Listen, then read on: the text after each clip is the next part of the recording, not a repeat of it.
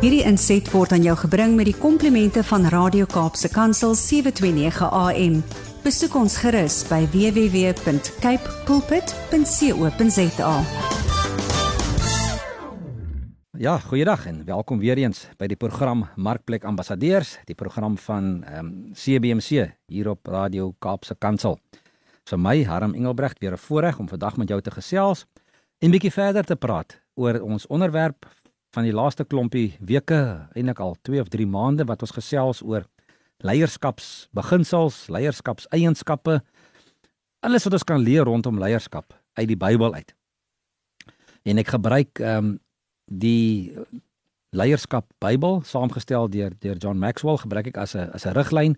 Gebruik so 'n paar ehm um, dinge wat hy hier geskryf het rondom leierskap, paar paar opmerkings wat ek ook daaruit uh, met julle deel.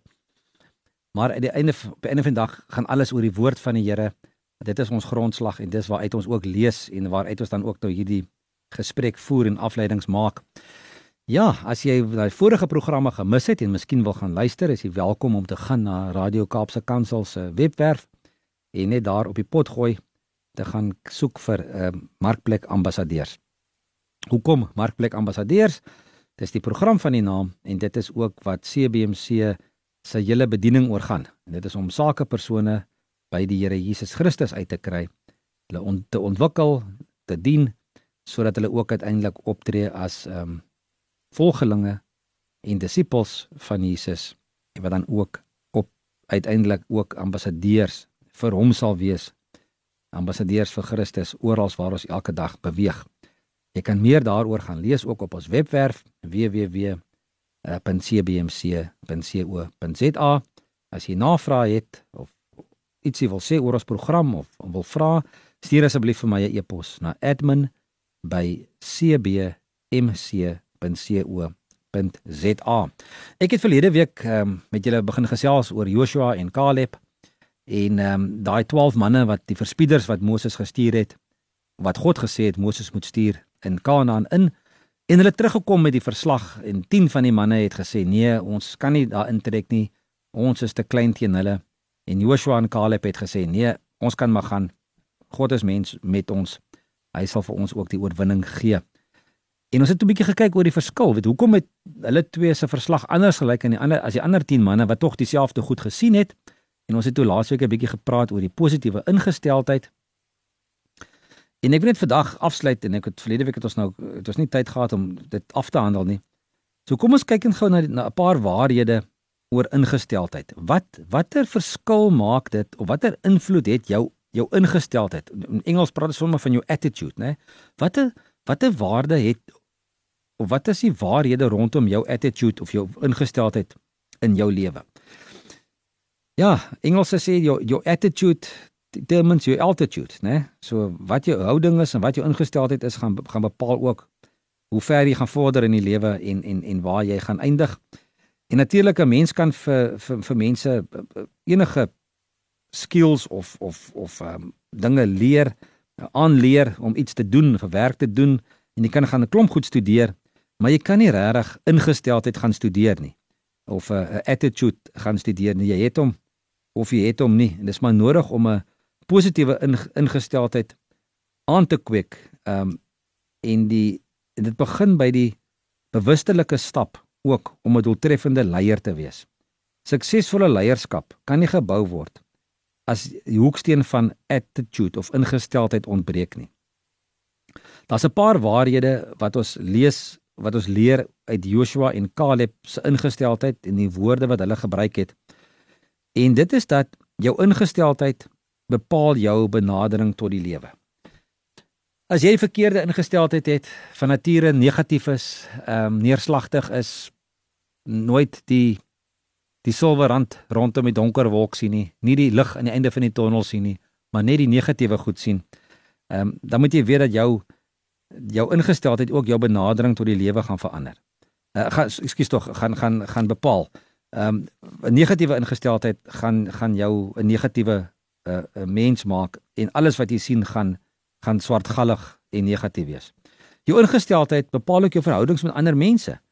Ehm um, jy kry mense wat net eenvoudig agterdogtig is oor almal. uh wat almal verdink. Uh enige ou wat hy raakloop, dink hy is wil hom wil hom te nakom. So jou ingesteldheid bepaal ook jou verhoudings met met met ander mense. En jou ingesteldheid is ook dikwels uh, die enigste verskil tussen sukses en mislukking. Ehm um, mense gaan baie keer in 'n in 'n in 'n dink net maar jy gaan in 'n wedstryd in of in 'n kompetisie en jou ingesteldheid is van die begin af ag ek gaan dit tog nie maak nie. Ek gaan in elk geval verloor. Ehm um, dan gaan jy nie ver kom nie. Maar gaan met 'n positiewe ingesteldheid ehm um, en ehm um, kyk die groot verskil wat dit wat dit wat dit gaan bring. Ja, die ingesteldheid waarmee jy 'n taak aanpak sal 'n groter invloed hê op die uitslag as enigiets anders. Ja, jy kan goed voorbereid wees, maar as jy met 'n negatiewe ingesteldheid gaan, negatiewe attitude, 'n ding 'n ding aanpak, dan kan jy maar weet dat dat jy eintlik al klaar die wedstryd verloor het. Ehm um, jou positiewe ingesteldheid kan ook probleme in seëninge omskep. Ehm um, jou ingesteldheid kan jou buitengewoon positiewe perspektief gee. En jou ingesteldheid, en dis belangrik, is nie outomaties reg omdat jy 'n kind van God is nie. Jy kan nog steeds 'n verkeerde ingesteldheid hê. Ehm um, teenoor teenoor die lewe en teenoor dinge al is jy 'n kind van die Here. So werk daaraan om 'n positiewe ingesteldheid te hê, om die lig te sien, om positief te wees. Ehm um, altyd die die positiewe kant van 'n saak te sien. En nie altyd oor alles swartgallig te wees nie. Nou verder oor hierdie 12 verkenners wat nou ingegaan het daar in die beloofde land in Numeri 14 wat ek laasweek ook uh, vir julle gelees het daarvan vers 6 tot 9 lees ons dat Moses en Aaron en Joshua en Caleb nou voor die volk gaan gaan verslag doen het en gesê het luister ouens uh, dit, dit is nie so sleg nie. Ons kan ingaan. Weet die Here gee vir ons dit en dat die volk toe nou in opstand kom en hulle wil eintlik vir Joshua en Caleb toe uiteindelik nou maar met klippe doodgooi. Ehm um, watter dis die vraag watter ehm um, invloed Dis eintlik snaaks om te vra, maar watter invloed het invloed op leierskap? Ehm um, so hoe belangrik is is invloed uh, uh, in leierskap? En ons weet dat dat dat ehm um, die die spreekwoord oor leierskap sê leadership is influence. Met ander woorde leierskap is om mense te beïnvloed. En as jy mense negatief gaan beïnvloed, kan jy maar weet jou leierskap gaan nie ver kom nie. Maar beïnvloed mense positief, dan gaan kyk jy die verskil wat in jou onderneming en in jou besigheid kan kan kan plaasvind. So onder die 12 verkenners wat toe nou die land Kanaan gaan ondersoek het en moes gaan kyk het en terugkom en kom verslag lewer, het net Joshua en Caleb ehm um, gereken die Israeliete sou die land kon inneem. Ehm um, op 'n punt moet ek ook net sê, dis nie net hulle wat so gereken het nie. God het reeds ook aan hulle beloof dat hy die land aan hulle sal gee. So die 10 ander manne het dit toe nou nie raak gesien dat dit so kan wees nie. Joshua het die mense aangemoedig om voort te gaan maar sy invloed op die mense alleen kon hulle nie beweeg nie. Uh, op daai punt in sy lewe het Joshua nog nie veel invloed gehad nie. Onthou Joshua en Caleb was maar net twee van die 12 verspieders wat gegaan het. Hy was die leier van sy van sy stam. En so was Caleb ook die leier van sy stam. So hulle het op hulle eie stam invloed gehad, maar die ander 10 stamme het nie veel aan aan hulle gesteer nie. Ehm um, Moses en Aaron was was die leiers van die volk op daai stadium en hulle het die invloed gehad. So als selfs al was uh, Joshua reg met sy met sy terugvoering en sy verslag aan die in die volk kon hy nie die mense oorhaal om hom te volg nie. Hulle het um, hulle nie op hom verlaat nie. Maar die ander 10 verkenners gevolg. Hulle het mag op daai stadium gegaan vir die meerderheid. 12 manne is gestuur om iets te gaan uitvind. 10 manne kom terug en sê nee, 2 sê ja. Die eenvoudige vraag is vir wie gaan jy luister? Vir die meerderheid? Heel waarskynlik. Maar Joshua se sukses sou uiteindelik toeneem na mate hy as leier gegroei het. Maar hy het nog altyd nodig gehad om sy invloed uit te brei. En om dit te te doen en om daarin te help het Moses hom natuurlik persoonlik onderrig. En uiteindelik was Joshua die natuurlike of voor die hand liggende keuse om die Israeliete uiteindelik ook in die beloofde land in te lei. So kom ons kyk gou 'n bietjie na die die aard van leierskap. Daar's so 'n paar punte, so 5 punte waarna ek wil kyk en dan so 5 punte oor Joshua se invloed. Ehm um, die aard van leierskap nommer 1 soos ons gesê het nou net uh, leierskap is invloed. Die finale maatstaf van leierskap is invloed. Dis so eenvoudig. Ehm um, as jy nie mense beïnvloed nie, dan volg hulle jou nie. En dan kan jy leier wees as daar nie volgelinge is nie. Uh Joshua het voor die ware aard van leierskap te staan gekom. Toe hy dit nie kon regkry om mense oor te haal om hom te volg nie. Sy posisie as leier van sy stam was nie genoeg om sy invloed weier te laat geld nie. Die tweede ding is geen leier se invloed strek oor alle gebiede nie. Hierdie 12 manne wat uitgesoek is om die beloofde land te gaan verken, was almal een wat 'n leier in sy eie op sy oor sy eie volk was. Dit beteken, Joshua was 'n leier. Uh, hy was iemand met invloed, maar net by sy by sy volk. Hy hy het nie hy het nie invloed gehad oor die 12 ander of die 11 ander leiers ehm um, en hulle en hulle ehm um, um, stamme nie. 'n Leier kan positief of negatief beïnvloed. Ehm um, al 12 verkenners ehm um, wat uitgegaan het as hulle 12 almal 'n positiewe 'n positiewe verslag oor die beloofde land gebring het, sou die Israeliete heel waarskynlik vir God gehoorsaam het en die land binne gegaan het. Maar invloed sny twee kante toe, positief en negatief.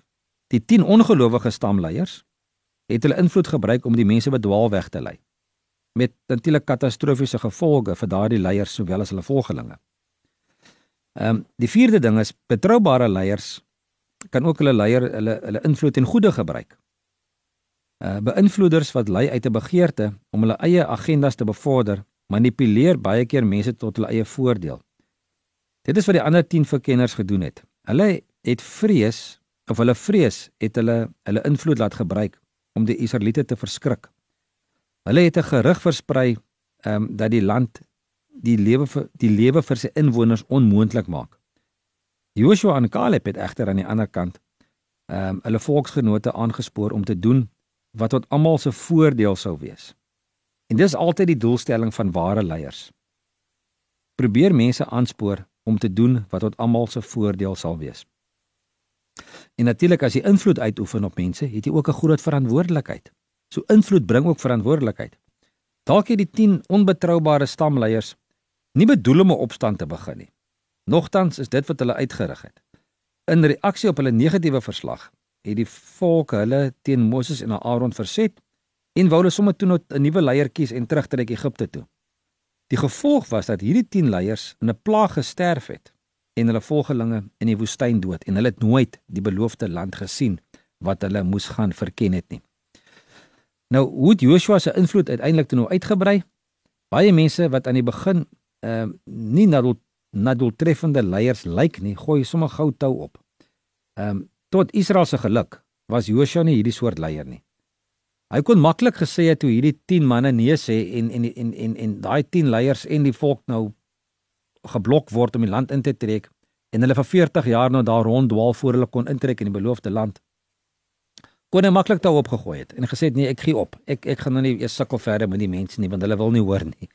Maar ehm um, hy was nie daai tipe mens nie. Hy het hom voorgenem om 'n beter leier te word. Ongeag hierdie vroeë terugslag, het Moses ag het, het Joshua getrou gebly aan God. Ehm um, en het soveel moontlik soveel as moontlik by Moses geleer. Nou Joshua se invloed, invloed het gegroei weens sy verhouding met Moses. Ons lees daar in Deuteronomium, ons ons gaan nou verder in die programme later oor Deuteronomium lees. Ehm um, dat hy dat met Moses as mentor het Joshua nie net sy leiersvaardighede verbeter nie. Ehm um, maar die mense het hom ook as hulle leier begin aanvaar. Die Bybel sê vir ons dat toe Israel gereed gemaak het om die beloofde land ingetrek, het ehm um, Joshua het, het Moses vir Joshua geroep en vir hom gesê waar die hele Israel dit kon hoor. Wees sterk, wees dapper. Jy gaan saam met hierdie volk die land in wat die Here met 'n eed aan hulle voorvaders beloof het om aan hulle te gee. Jy moet hulle dit in besit laat neem. Daai lees ons in Deuteronomium um, 31 uh, vers 7. En dalk moet ek dit net gou ehm um, vir julle gaan lees daar. En ons weet mos daar by einde van Deuteronomium lees ons nou waar die volk uiteindelik nou die die die die die ehm um, Jordaanrivier oorsteek. En ehm um, In hoofstuk 31 van Deuteronomium word Joshua nou as opvolger van Moses aangestel. En vers 7 van Deuteronomium 31 staan die volgende: Toe het Moses vir Joshua geroep en vir hom gesê wat die hele Israel dit kon hoor. Wees sterk, wees dapper. Jy gaan saam met hierdie volk in die land in wat die Here met 'n eed aan hulle beloof het.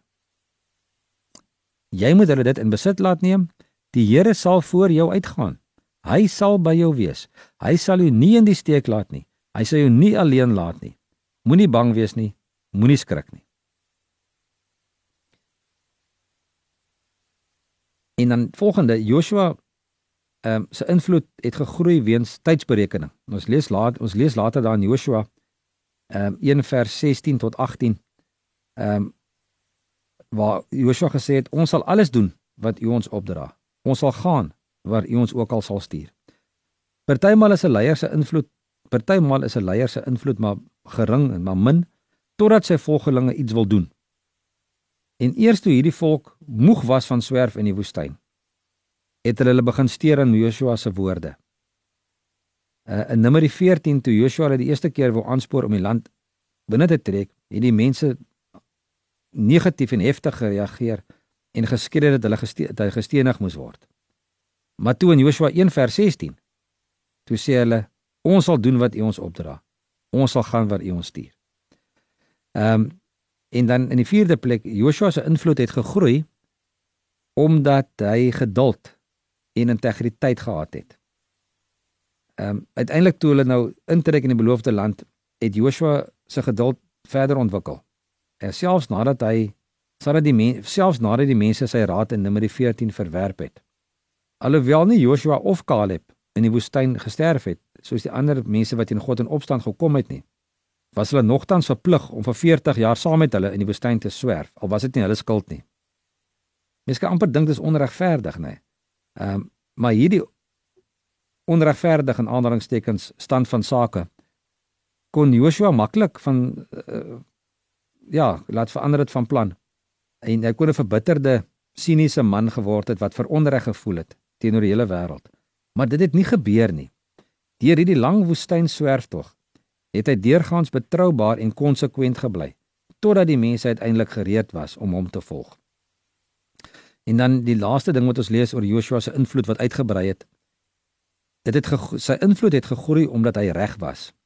Joshua het van die begin af probeer doen wat reg is. Hy het die mense op die regte pad probeer lei en na die uittog uit Egipte het die meeste Israeliete sy woorde as voortvarend en onsinnig beskou. Maar Joshua se raad het die toets van die tyd deurstaan en sy boodskap het nooit verander nie. En op die ou end het almal ingesien dat hy tog reg was.